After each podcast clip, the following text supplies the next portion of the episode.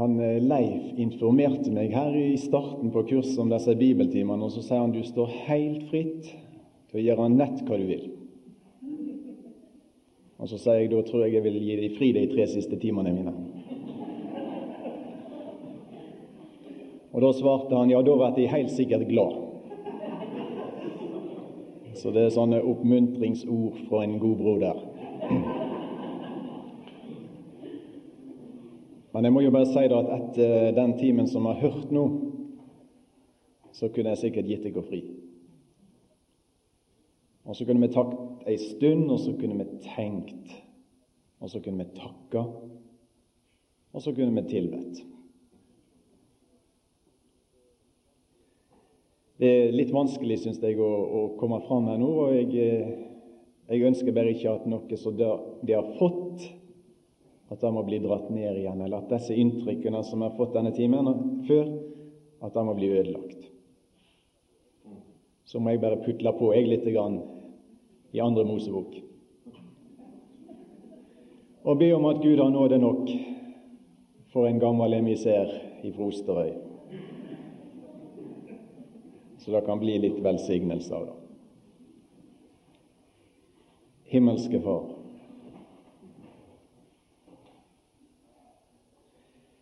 Vi har lyst til å si deg inderlig takk for det du har møtt oss med i dag, og vi har lyst til å si deg takk for disse inntrykkene ifra din verden, ifra ditt ord. Og så ber jeg om nåde. Jeg ber om at du enda velsigner og at det kunne bli noe for deg og ditt rike også nå. Amen.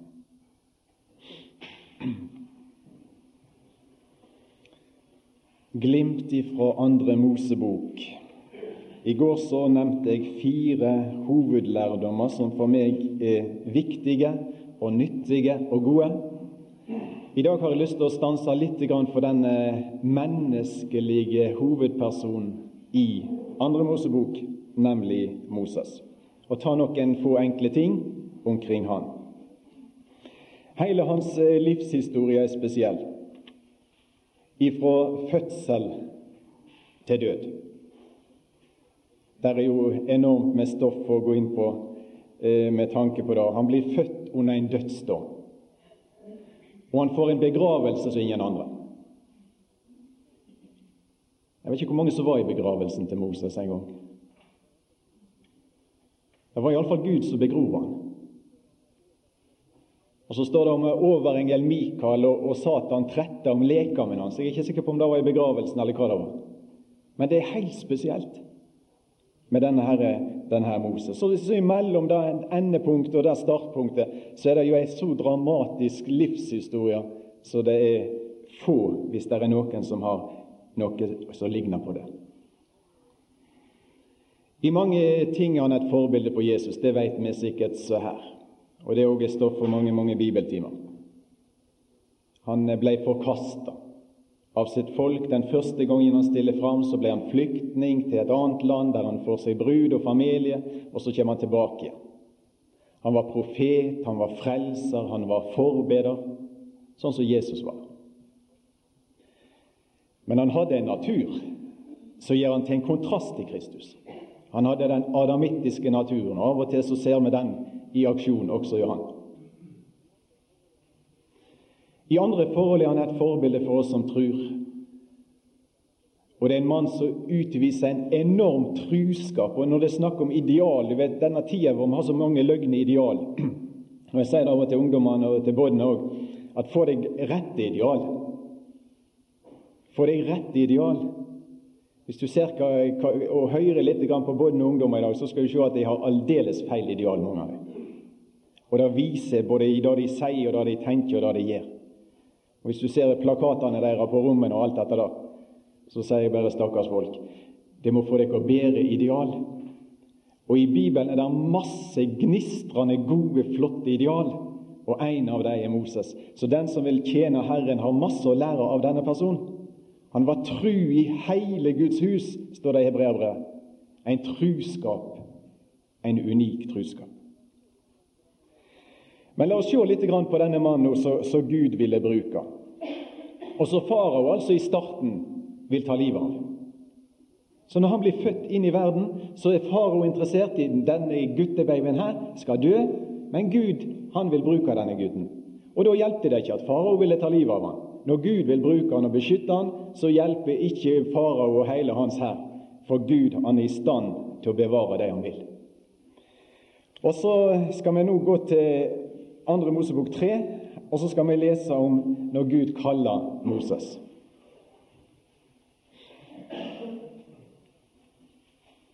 Og Der står det i vers 10. Eh, han møter han i denne brennende tornebusken.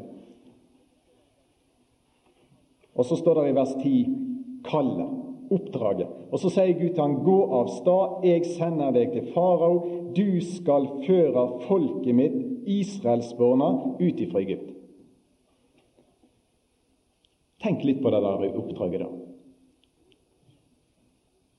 Hvis du hadde stått der hvis du hadde fått det der oppdraget, da, hva hadde du tenkt? Ja, Det gikk ikke an å misforstå. Altså, Du kunne jo fått en teolog til å omtolke de greiene, men det hadde vært vanskelig. Det er altså så klart, og det er så enormt, og det er så digert overveldende, dette oppdraget som Moses får.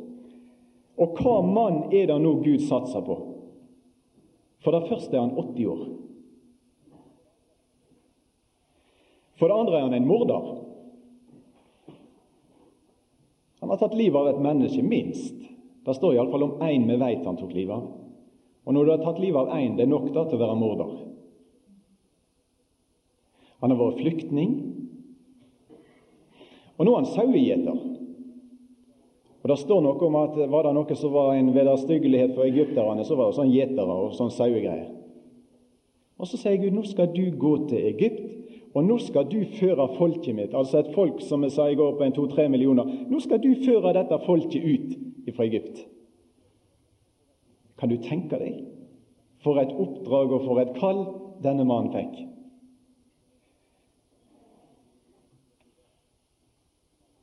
Det er ikke rart han begynner å innvende ting. Og det er ikke rart han begynner å unnskylde seg. Men nå skal du se hvordan Gud gir han hjelp. Og Da skal vi lese fra kapittel 3, og vi leser fra vers 11. Og Der er altså den første responsen. Den første responsen fra Moses når Gud gir han dette enorme oppdraget. Men Og det er den første responsen. Men Moses sa til Gud, Hvem er jeg? Og det første Moses gjør når Gud kaller han til noe, det er å vende blikket imot seg sjøl. Kjenner du slektskapen? Jeg hørte det var to eh, karer som møttes, og de presenterte hverandre i et selskap. Og, og Så sa han navnet sitt, den ene, og så var det et kjent navn for den andre, fordi at det var en professor, en veldig kjent professor som hadde samme etternavn. Og Så spør han er du i slekt med han professoren. Ja, langt ute, sa han. Langt ute. Ja, hvordan, hvor langt ute? Ja, han professoren han var nummer én i søskenflokken, og sjøl var han nummer tolv.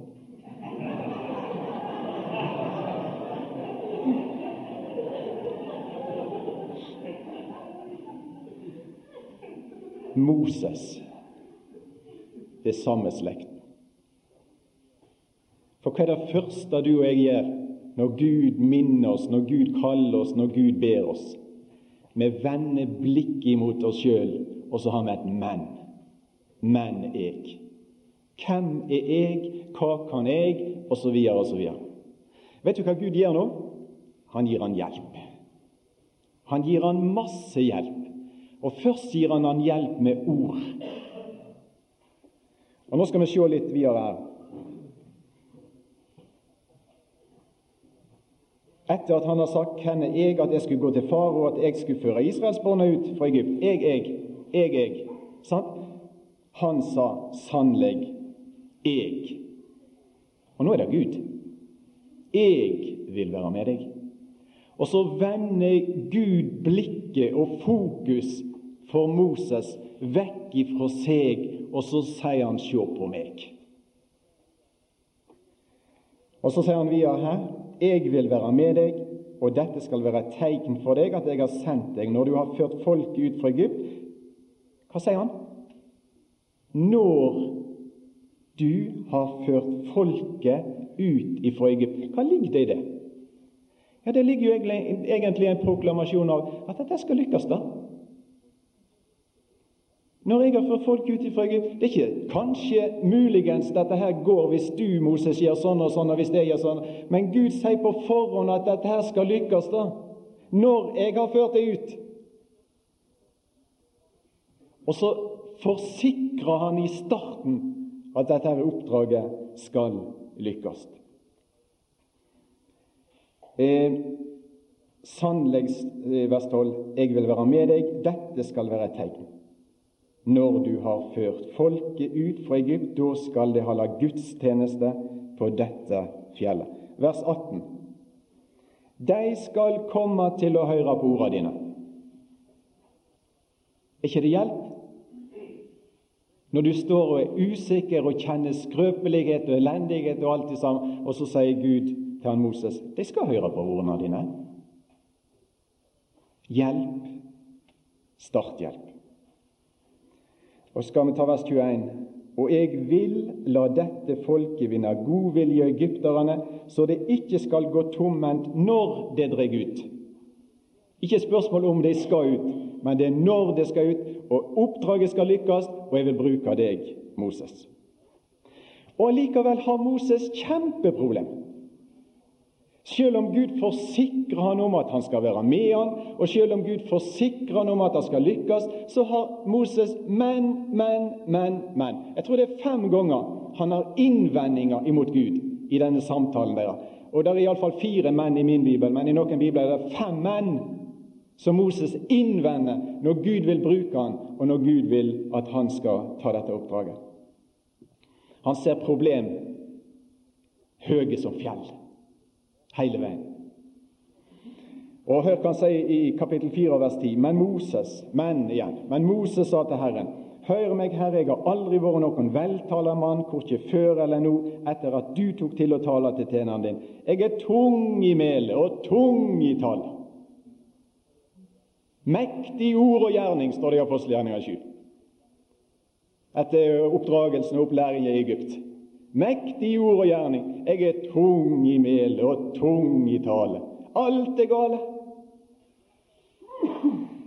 Men Herren sa til han, hvem har gitt Og så vender han fokus igjen vekk ifra Moses. Ikke se på dette her, Moses. Hvem har gitt mennesket munn? Ja, hvem er det som gir målløs eller døv? Sjående eller blind? Er det ikke jeg, Herre? Flytt blikket ditt, Moses. Sjå meg. Vet du hva dette er for noe? Dette er hjelp for meg. da. Her er lærdommer for meg. Jeg som har sånne enorme problemer med meg sjøl og være frimodig og jeg er, jeg er norgesmester i preikeverk sliter hele veien. Plages over dette her, altså, du kan ingenting, og du er ingenting, og alt dette der. Så. Ja, ja, se den veien. Og så er det velsignelse for meg fremdeles det jeg prekte om i fjor. Han som bruker det som ingenting er. Men stadig vekk er det kamp, og stadig vekk er det problemer. Tung i melet, tung i tale, hjelpe meg. Kan det bli noe sånt? Ja, hvem som gir munn? Hvem som kan velsigne ei tunge så det blir til velsignelse? Hvem som kan gi nåde til et kar som ingenting er, så det kan bli noe? Og så sier bare Gud velsigne deg om du ikke skal føre to-tre millioner mennesker fra en plass til en annen, men om du skal føre noen ord ifra Herren til en nabo. Så tenker du akkurat det samme. Samme slekta, bare litt langt ute.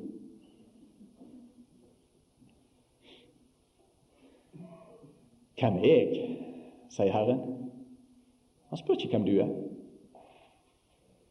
Og så vil han at du skal se og fokusere på den veien. Nå må vi gå videre. Men det første altså her som Moses får, det er hjelp gjennom ord. Men Gud ville gi han mer hjelp. Altså, Han kunne jo forkaste han med en gang. her. Alle de der unnskyldningene, alle de der mennene. Han hadde fortjent å hifte han ut med en gang. Altså, Hva slags kvaliteter er det i en sånn mann som står og preiker tull til Gud? For nett etter Gud har sagt de skal høre på deg, så sier Moses de kommer ikke til å høre på meg. Han preker tull. Og alle disse unnskyldningene med denne mannen har. Og så vil Gud bruke han allikevel.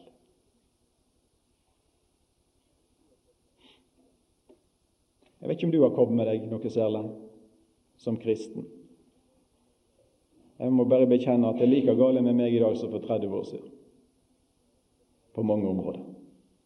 Derfor er det så flott å høre sånne ting som jeg fikk høre i forrige time. Men Gud ville gi han mer hjelp. Og Nå skal vi se litt på det i kapittel 4.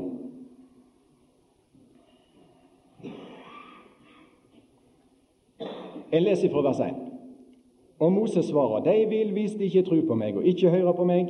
Det er bekjennelsen hans, der er overbevisningen hans. De vil si, Herren har ikke åpenbæret seg for deg. Da sa Herren til han, Hva er det du har i handa? Han svarer en stav. Det var ikke mye. Da sa han, Kast han på jorda. Han kastet han på jorda, da ble han til en orm og Moses rømte for ham. Herren sa til Moses, rett ut handa di og grip han i halen.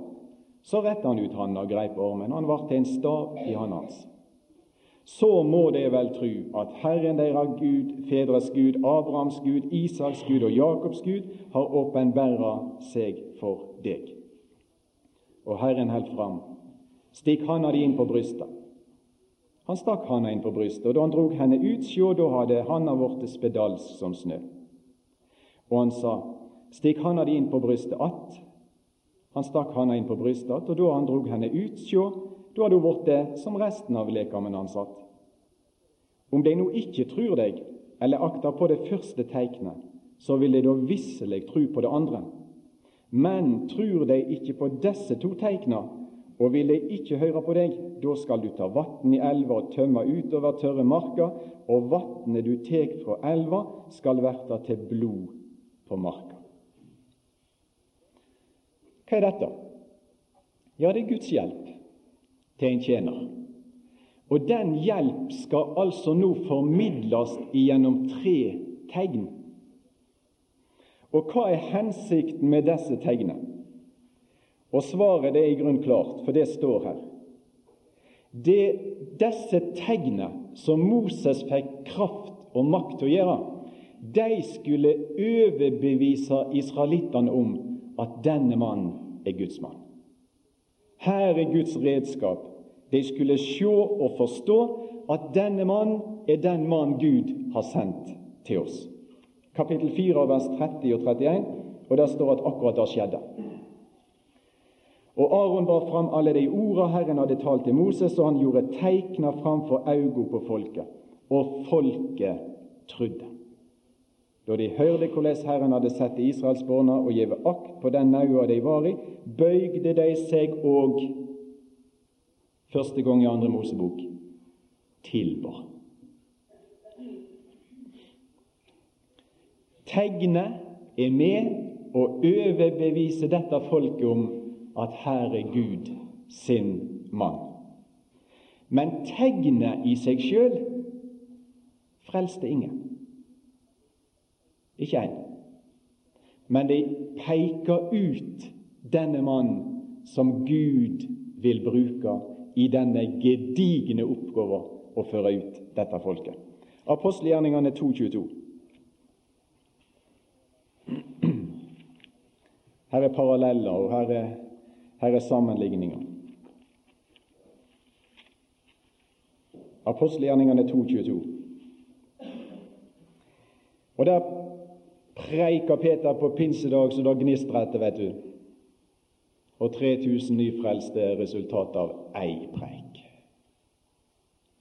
Og så sier han mellom annet i vers 22.: De israelittiske menn Hør disse ordene. Jesus fra Nasaret var en mann Gud pekte ut for dykk gjennom kraftige gjerninger, under og tegn som Gud gjorde ved han midt imellom dykk, som det sjøl vet. Har du sett, har du lest alle disse tegna Jesus gjorde? Hva er dette for noe? Det er Gud, sier Peter, som gjennom disse teikna, under og kraftige gjerninger peker ut denne mannen for dere, så dere skal skjønne at denne mannen er fra Gud. Men det var ikke teiknet Jesus gjorde, som frelste folk. Det var ikke underet som frelste folk. Men det var hans død på Golgata, og det er evangeliet om denne mannen som frelser. Tegnet hadde den funksjonen at de skulle løfte opp, og Gud skulle peke på denne mannen gjennom disse tegnene og vise at der er min sønn. Og Sånn var det òg med Moses. Gjennom tre spesielle tegn så peker Gud ut den mannen for sitt folk som sin mann. Og Nå hadde jeg lyst til å se litt videre på, på disse spesielle tegnene som Moses skulle gjøre i dag. Og ut ifra den synsvinkel at et tegn ikke alltid bare er et tegn. Veldig ofte skal du finne i Bibelen at et tegn ofte ber i seg en tale, et budskap om et eller annet. Et tegn har som regel en djupere betydning enn akkurat selve tegnet. Tenk bare på dette her som vi kaller for endetidstegn. Og så skjønner alle med da at det som har med endetidstegn å gjøre, det har et budskap til oss om noe helt spesielt. Hva er det de tegnene taler om? Jo, de taler om at enden er nær. De taler om at det snart er slutt. Altså Det er ikke bare tegn vi ser, men det er tegn som formidler budskap og formidler forkynnelse til oss om en spesiell sannhet, og det er at enden, den er nær. Derfor har vi fått en del endetidstegn fordi at vi skal skjønne og forstå at sånn er det. Og Hvis du tenker på et annet tegn Jeg tenker av og til på det iallfall. I Johannes 2 så står det eh, ut, ut i det kapittelet, og det er presisert spesielt, at dette var det første tegnet Jesus gjorde. Og Jeg tror alle i denne forsamling vet hva tegn det var. Det var når han gikk inn i en mangelsituasjon. Han gikk inn i en nødsituasjon. Og så forvandla han en nødsituasjon så det ble en god situasjon. Saken var at de, de, de slapp opp for vin, og så kom han, disse her som styrte med disse tingene, de kom i en pinlig situasjon i det bryllupet i Kana. Men så er det en som blir kobla til det problemet, og så vet vi at han gjorde vann til vin. Det smakløse for smak. Og Enten vi liker det eller ikke liker det, så er det slik i Bibelen at vin ofte symboliserer glede. Og dette første tegnet som Jesus gjør, det, i det tegnet ligger egentlig hele programmet hans. Å få det smakløse og få smak på det. Å forandre nød til overflod, sånn som vi har hørt om i disse timene før. Å forandre situasjoner. Der står han og gir sitt første tegn og proklamerer egentlig gjennom det tegnet at her er Han som kan forandre alle forhold.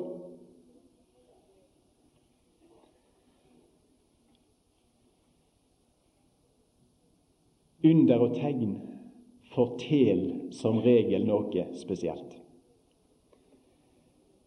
Og Det som Gud gjør når eh, det er snakk om disse tegnene i andre Mosebok Jeg er helt sikker på, jeg, jeg er helt sikker på at, at det er tank, altså det er ikke på slump. Jeg tror aldri Moses hadde funnet på, hvis han skulle få velge tre tegn, og funnet de tre tegnene da. Jeg er helt sikker på at det ligger også dype sanninger i disse tingene her. Jeg er helt sikker på at det ligger forkynnelse i disse tegnene som skulle være til hjelp for Moses og israelittene. Og Jeg får bare si igjen, jeg er fremdeles i fase 1 når det gjelder å studere andre Mosebok. Jeg er helt i starten, og jeg ser verken djupt eller høyt, holdt jeg på å si. Men det er allikevel ting som engasjerer meg og interesserer meg, og jeg har en nysgjerrighet når det gjelder disse tingene. Hva Gud vil lære, for det er ikke tilfeldigheter. Hva Gud vil lære gjennom sånne tegn. La oss se eh, fort og kort på, på, på disse tre tegnene. Og Det første tegnet er altså når han har en stav i hånda, og så, så sier Gud til han kast den på bakken. Og så kaster han staven på bakken, og så blir det til en orm, en slange.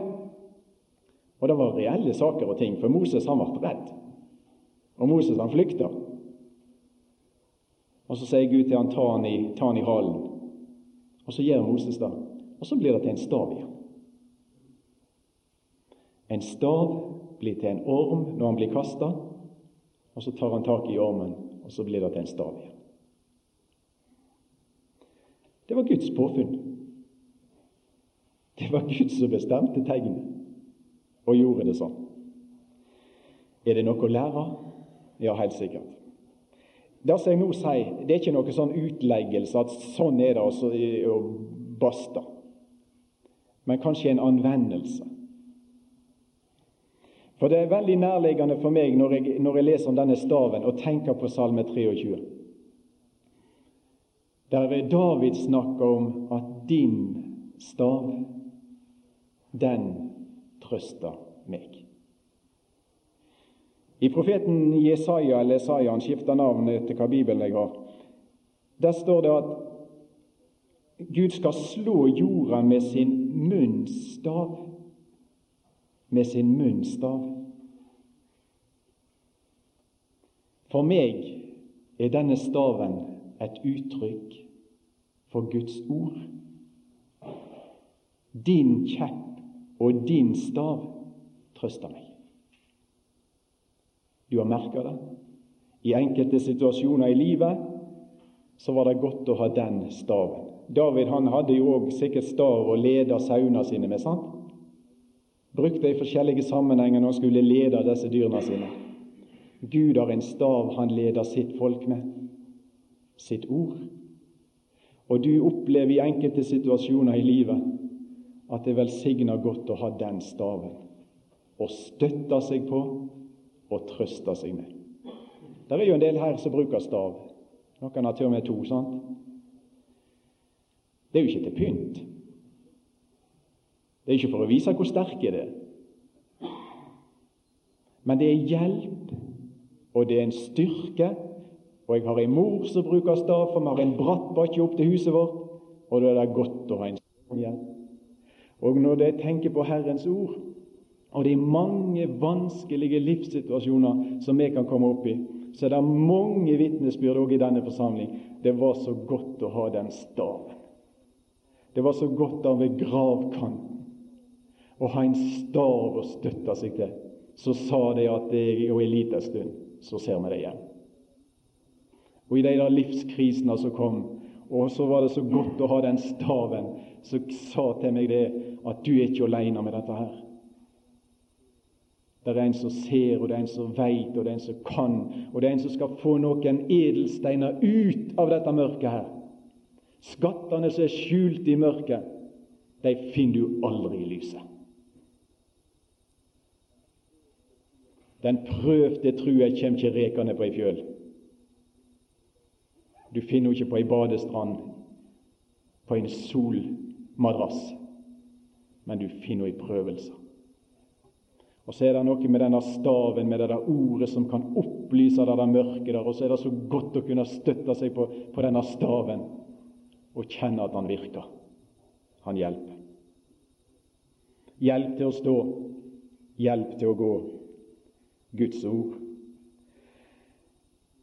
Og kanskje en hovedlærdom for Moses i denne situasjonen, og for Israel og for alle, er at så lenge det holdt staven, og så lenge det bruker staven, og så lenge det støtter dere til staven, så skal det gå deg vel. Men hiver du staven ifra deg, og tenker som så at jeg har ikke bruk for dette her, og dette her med Gud, og dette her med Guds ord, og dette her med Bibel og disse tingene, det er ikke noe som jeg har bruk for. Hiver du staven, hva da? Da får du med slangen å gjøre. Jeg har tenkt hele verdenshistoria tror jeg du kan øgne i dette tegnet. Israels historie kan du se i dette tegnet. Når var det det gikk vel med israelsfolket? Nå snakker vi om vandring, og nå snakker vi om tjenester. Når var det det gikk vel med dette folket? Det var når de holdt staven. Det var når de hørte. Det var når de vendte seg den veien. Og det var når de sa ja og ville lye Herren. Men så var det så mange episoder i den historien da de hifte staven, og de sa 'vi vil ikke'. Vi vil ikke høre, og vi vil ikke gå på dine veier. Hva skjedde med dem? De fikk med slangen å gjøre.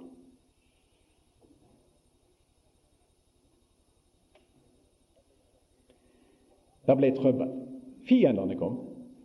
Og så ble det altså sånn at fiendene ble sterkere enn Israel.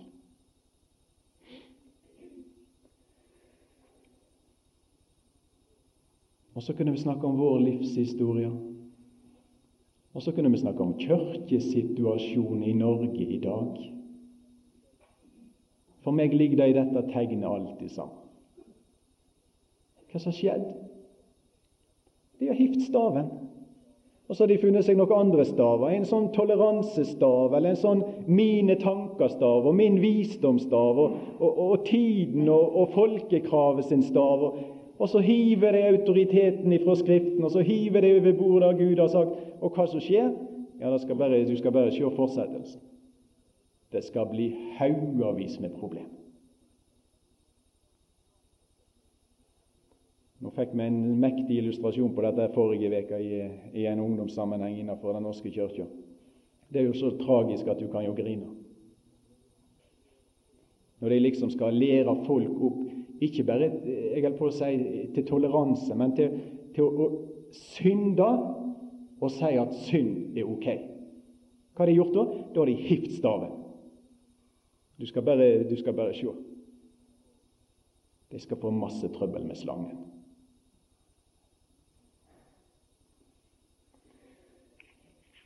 Nå skal vi lese litt grann. i Romerbrevet. Arnold har vært innom det òg. Eh, snart ikke en plass i Bibelen ikke han har vært innom. Så.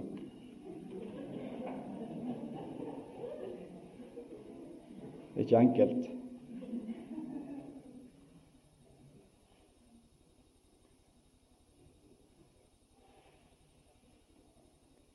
Vers 24. Og han har sagt litt om disse folkene, som var altså i disse her forferdelige tilstandene som vi leser om i kapittel 1. Men det som jeg har bare lyst til å knytte til det hvorfor? Hvorfor var det sånn? Og Da står det i 24, 24. verset at derfor gav Gud deg i deira hjertens lyster over til uregnskap og til vanære lekamene sine seg imellom. De bytter bort Guds sanning med løgn og ære og dyrker Skaperen i for skapningen i stedet for Skaperen, Han som er lovprisa i all eva. Amen. Og Så kommer vers 26. Derfor gav Gud deg over til skammelige lyster. Kvinner deres bytte det naturlige samlivet med et som er imot naturen. Likeens gikk mennene bort fra den naturlige omgangen med kvinner og brann av tråd etter hverandre. Menn drev skammelig utukt med menn, og de fikk på egen de fikk på sin egen kropp den straffa de fortjener for villfaringa si.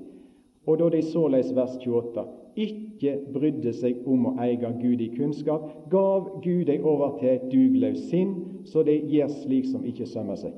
Derfor, derfor, derfor. Hvorfor? Fordi de hifter staven. De brydde seg ikke om eie Gud i kunnskap. De brydde seg ikke om det Gud sa. De brydde seg ikke om det som var rett. De hifte staven, og de fikk med slangen å gjøre.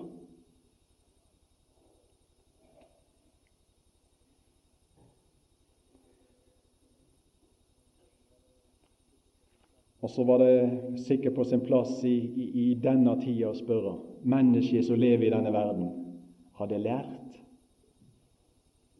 Har vi lært? For ei bok vi har! For ei bok! Tenk om menneskene i denne verden hadde skjønt for ei bok vi har. Her har du forklaringer på problemene, og her har du løsninger på problemene. Og her har du alt. Og det som gjelder i vår tid, og det som vi som Herrens folk må, må, må prioritere og, og framheve, synes jeg, det er at folk må få staven på rett plass igjen. Få staven på plass igjen, så det blir stav. Salme 81. Salme 81 ifra vers 12.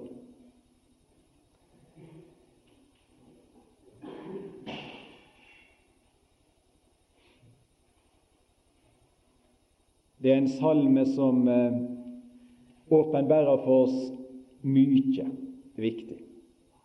Og I denne salmen er det òg en del av Guds sine hjertesukk. F.eks. vers 9.: Høyr mitt folk. Jeg vil vitne for deg, Israel. Å, om du ville høre på meg. Er ikke det rart? Men dette er altså Gud i himmelen som uttrykker overfor sitt folk. Det er ikke hedninger han snakker til. Og så kommer vers 12. Men mitt folk hørte ikke mi røyst, og Israel ville ikke lye meg. Så let jeg dei fara, hardhjarta som de var, så de skulle ferdes etter sine egne vonde råd. Vet du hva de erfarte da? Slangen.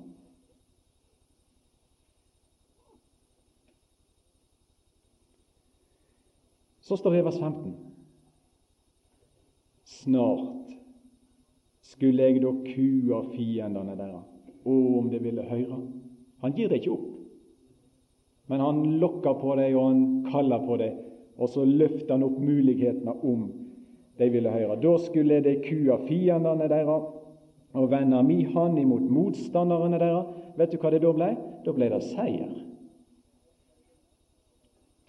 De som hater Herren, skulle krype for Han, og deres vonde tid skulle vare evig. Men deg vil jeg fø med den beste kveiten, og jeg skulle mette deg med honning ifra berget. Å, om du ville ta staven.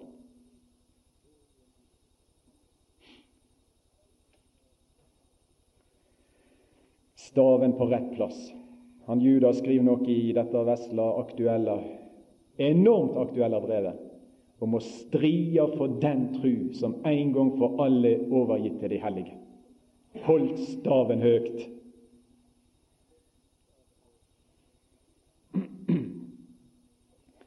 Det andre tegnet. Var det første originalt, så er nå ikke det andre mindre originalt. Kapittel 4, andre Mosebok, ifra vers 6. Og Herren held fram, stikk handa di inn på brystet. Han stakk handa inn på brystet, og da han drog henne utsjå, da hadde handa vorte spedal som snø. Og han sa, stikk handa di inn på brystet. Han stakk handa inn på brystet, og da han drog henne utsjå, da hadde hun vorte som resten av lekamen hans att. Hva er dette? Ja, spør ikke meg, holdt jeg på å si. Det er iallfall underlige ting. Og én ting er helt sikkert ingen kunne gjøre noe sånt av seg sjøl. Så jeg ser liksom for meg Moses står framfor Israels folk her, og så, og så gjør han dette, altså. Så stikker han hånda inn på brøstet, og så tar han så helt spedalsk. Nå kommer ut igjen. Hvem kan forklare sånt? Det er et tegn, det er et under, og det er noe spesielt med denne mannen. Og Så stikker han hånda inn en gang til, og når han da tar ut igjen, så helt i orden igjen.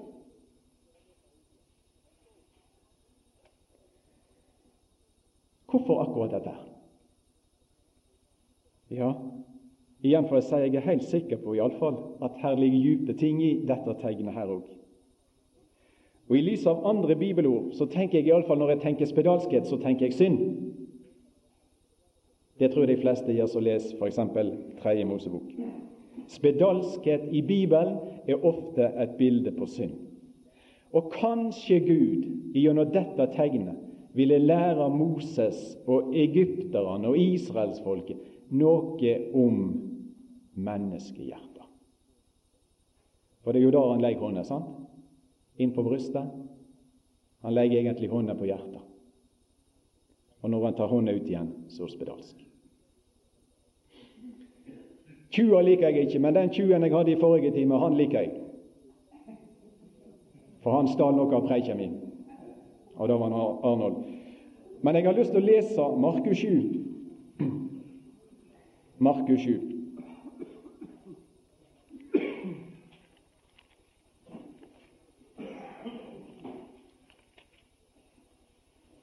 Og så skal du få høre en predikant som preiker,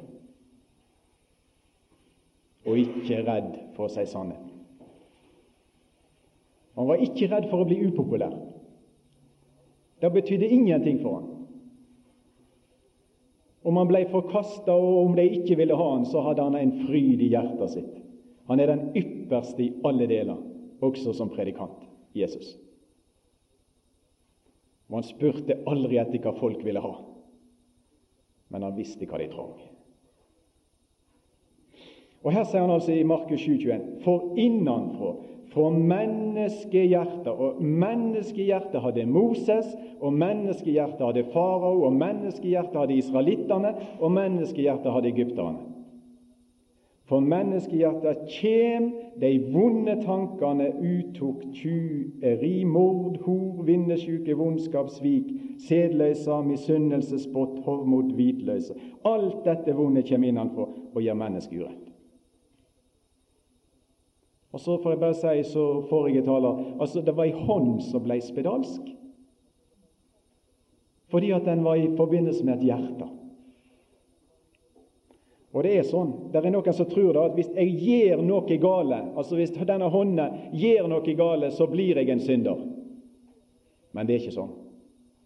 Men det er fordi at det er et hjerte her at den hånda blir sånn.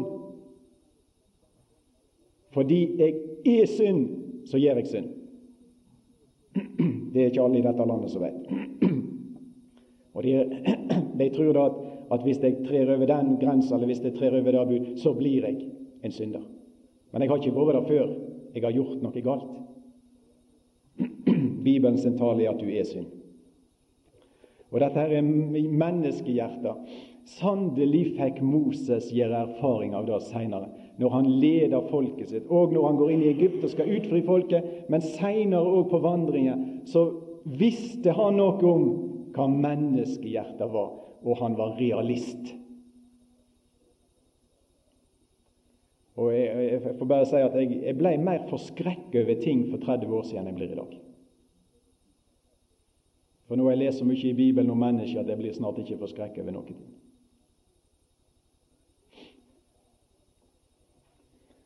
Og saken er den at et sånt hjerte blir jeg født med òg. Og du. Så altså bare svartmaling. Når Jesus maler menneskehjerter, så er det ikke én lys tone. Det er ikke én lys farge. Fallet var så djupt at han bruker kun svartmaling når han maler menneskehjertet. Hva trenger et sånt hjerte? Vet du hva det trenger? Det trenger en ny berøring. Det trenger en berøring ovenifra. Det trenger et inngrep ifra den hånda, ifra Han som sitter på nådens trune. Han trenger røra ved sånne hjerter. For det eneste som kan forandre sånne hjerter i tilværelsen, det er Han. Og Apostelgjerningene 15 og vers 9.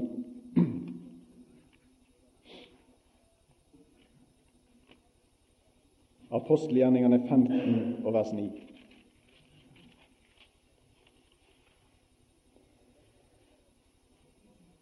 Og Der er dette her apostelmøtet. Problemet da var jo A-lag og B-lag. sant? For nå var det noen hedninger som var blitt frelst, og så var det spørsmålet i, i, forhold til jøder og sånne ting. Jødene var A-laget, og, og hedningene var B-laget her i mange sammenhenger. Og så må de skvære opp i de tingene der. Og så er det vel han Peter som sier i vers 9 at han gjorde ikke skjel på oss og deg. Her har du dette som er preikt om igjen. Alle like. Han gjorde ikke forskjell på oss og deg. For ved trua renser han hjertene òg. Det er en Far i himmelen. Det er en Gud i himmelen som er i stand til å gjøre spedalske hjerter reine. Og ved true. Og trua kjem av forkynnelsen, derfor putler vi på. Hver på vår enkle måte. Og så prøver vi å bringe inn de ordene og det budskapet som kan skape tru, og trua renser hjertene. Denne Gud skulle Moses kjenne.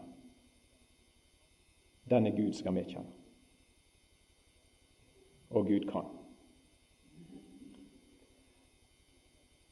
Det er vel begynt å smile etter hvert. Det var ikke halv det skulle fotograferes.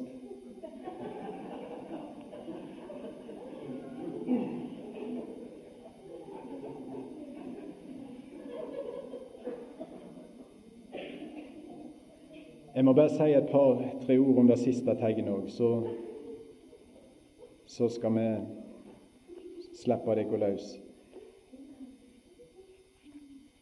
La oss gå tilbake igjen til andre Mosebok fire.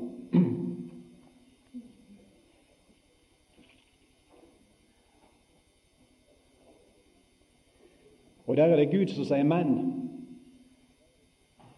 Og Nå har han presentert de to første tegnene, og så kommer det 'men' trur de ikke på disse to tegnene? Og vil de ikke høre på deg, da skal du ta vann i elva og tømme utover tørre marka, og vannet du tek ifra elva, skal verta til blod på marka. Dersom de ikke trur, og dersom de ikke akter på deg, Moses, da skal du gjøre vann til ikke vin, men blod. Hva er dette? Dette er et domstegn. Blod taler om død, blod taler om dom. Et tegn til advarsel, et tegn som varsko. Fortell om de alvorlige konsekvensene ulydighet og vantru ville føre til. Du finner igjen i hele Bibelen. Det er ikke bare her. Du finner det i det gamle, du finner det i det nye, du finner det overalt. Du finner løfter og velsignelser som er knyttet til dette å tro på Jesus og høre på Gud og venne deg til Han og reagere. Det er et hav av løfter som er knyttet til det. Et hav av velsignelser og rikdommer som blir presentert for de som vil gjøre det. Men det er òg en annen tone i Bibelen, og det er òg et annet budskap i Bibelen om dom, om straff, om evig pine og evig vrede og evig mørke for de som ikke vil ta imot. For de som ikke vil tro, og for de som forkaster disse tingene.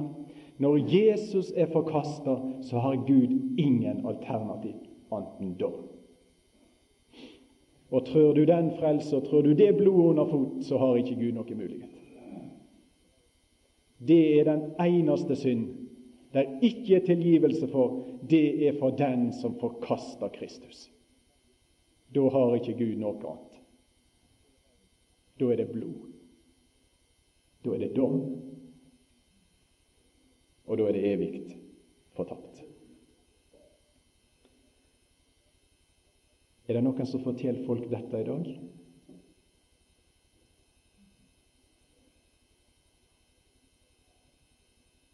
Du kan høre Jeg hører av og til på radiopreik og sånne ting. Jeg hører aldri den tonen. Aldri. Alt skal være gøy. Alt skal være kjekt. Alt skal være koselig. Og så er vi så redd for det som Bibelen taler, som har alvoret i seg. Alvoret for de som står imot. Alvoret for de som forkaster disse tingene gjør vi deg ei velgjerning når vi ikke sier noe? Er det ei velgjerning for den som er på vei mot stupet, at du som ser han, han har bind for øynene, han ser ikke? Er det ei velgjerning at du ikke sier noe? Du kan jo skremme han hvis du sier han går mot stupet, kan ikke du det? Du må ikke skremme han. Det er jo mer enn kriminelt å sitte i ro og se på et menneske som går imot et stup, uten å reagere. Og det er mye mer enn kriminelt og sitter i ro og betrakter evighetsvandrere uten å si til deg hva du går imot. Og Gud forbarmer seg over oss som har smerte i hjertene våre og nød og trang etter å berge for himmelen.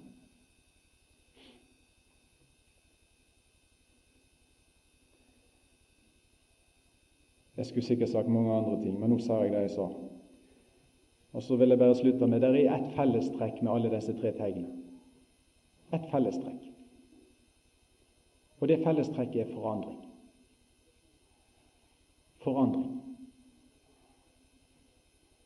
Kanskje Gud òg ville lære Moses noe om det, når han står framfor starten på ei uhorvelig vanskelig oppgave. Her er en Gud som kan forandre. En stav til en slange til en stav. Ei hånd frisk, så blir hun spedalsk, og så blir hun frisk. Vann til blod. Forandring, forandring, forandring. Hva var hans første tegn i Kana i Galilea? Forandring. En fortvila, håpløs, pinlig situasjon. Forandra til at de sa 'den beste vin' til slutt. Kjenner du han? Han ser jeg i disse tegnene. Og han syns jeg er godt å ha når jeg trasker rundt som gamle vi ser her i Nordhordland eller rundt omkring, og kommer både her og der og møter ulike personer og situasjoner. En Gud som kan forandre.